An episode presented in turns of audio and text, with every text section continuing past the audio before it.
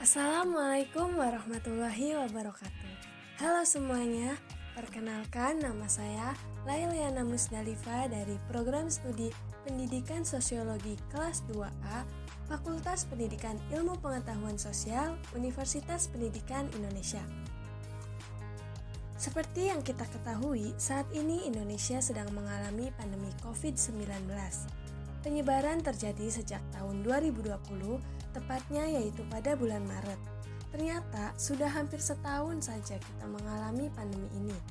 Semoga pandemi ini segera berakhir dan kita bisa kembali beraktivitas seperti biasanya. Adanya pandemi COVID-19 di Indonesia membuat beberapa bidang kehidupan mengalami perubahan. Salah satunya adalah di bidang pendidikan. Kegiatan belajar terpaksa dilakukan secara online dan jarak jauh guna memutus penyebaran COVID-19 di Indonesia.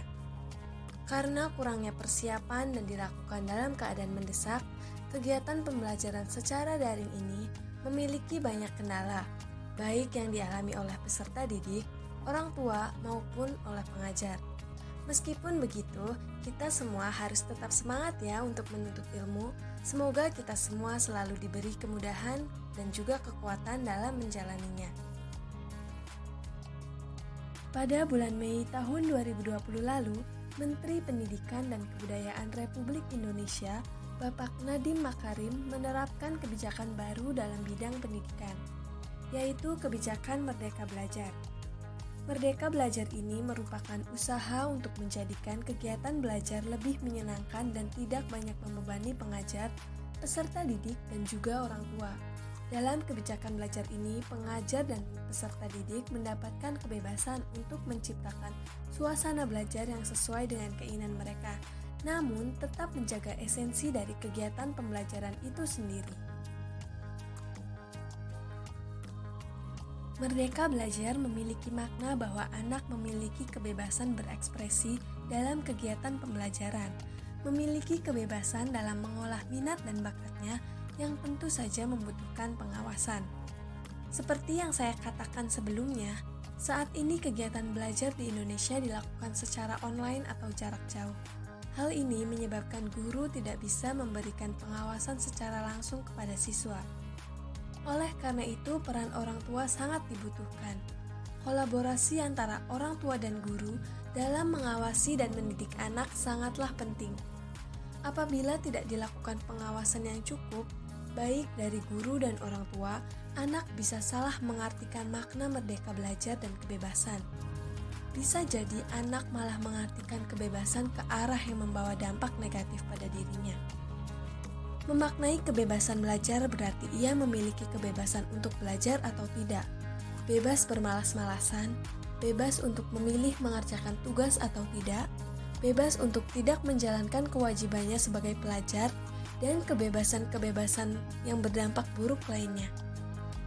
Untuk itu, guru harus berusaha lebih keras lagi dalam meningkatkan kreativitasnya untuk menciptakan suasana belajar yang tidak membebankan siswa dan juga menyenangkan.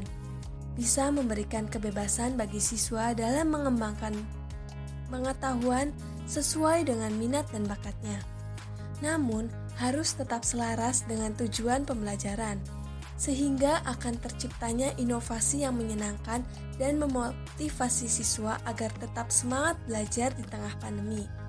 Pemanfaatan teknologi juga harus dilakukan dengan tepat agar kegiatan belajar tidak membosankan dan juga siswa antusias dalam belajar.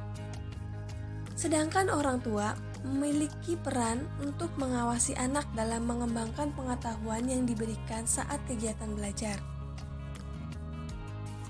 Penerapan Merdeka Belajar dalam pembelajaran secara daring ini, baik orang tua, guru, dan siswa harus memahami perannya masing-masing Orang tua juga mengambil peran penting dalam proses belajar anak karena pengawasan yang terbatas dari pengajar. Apabila setiap bagian menjalani perannya masing-masing dengan baik, maka kebijakan Merdeka Belajar akan berjalan dengan efektif dalam kegiatan pembelajaran daring. Oke semuanya, sekian pembahasan mengenai kebijakan Merdeka Belajar dalam pembelajaran daring. Semoga bermanfaat Mohon maaf apabila ada kesalahan. Wassalamualaikum warahmatullahi wabarakatuh.